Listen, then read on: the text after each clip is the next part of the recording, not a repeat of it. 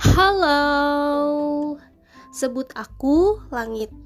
Meski terkadang langit nggak bisa mengerti apa maunya bumi, tapi langit nggak pernah hilang, nggak pernah ke mana-mana. Di sini untuk bercerita dan ingin didengar. Salam kenal.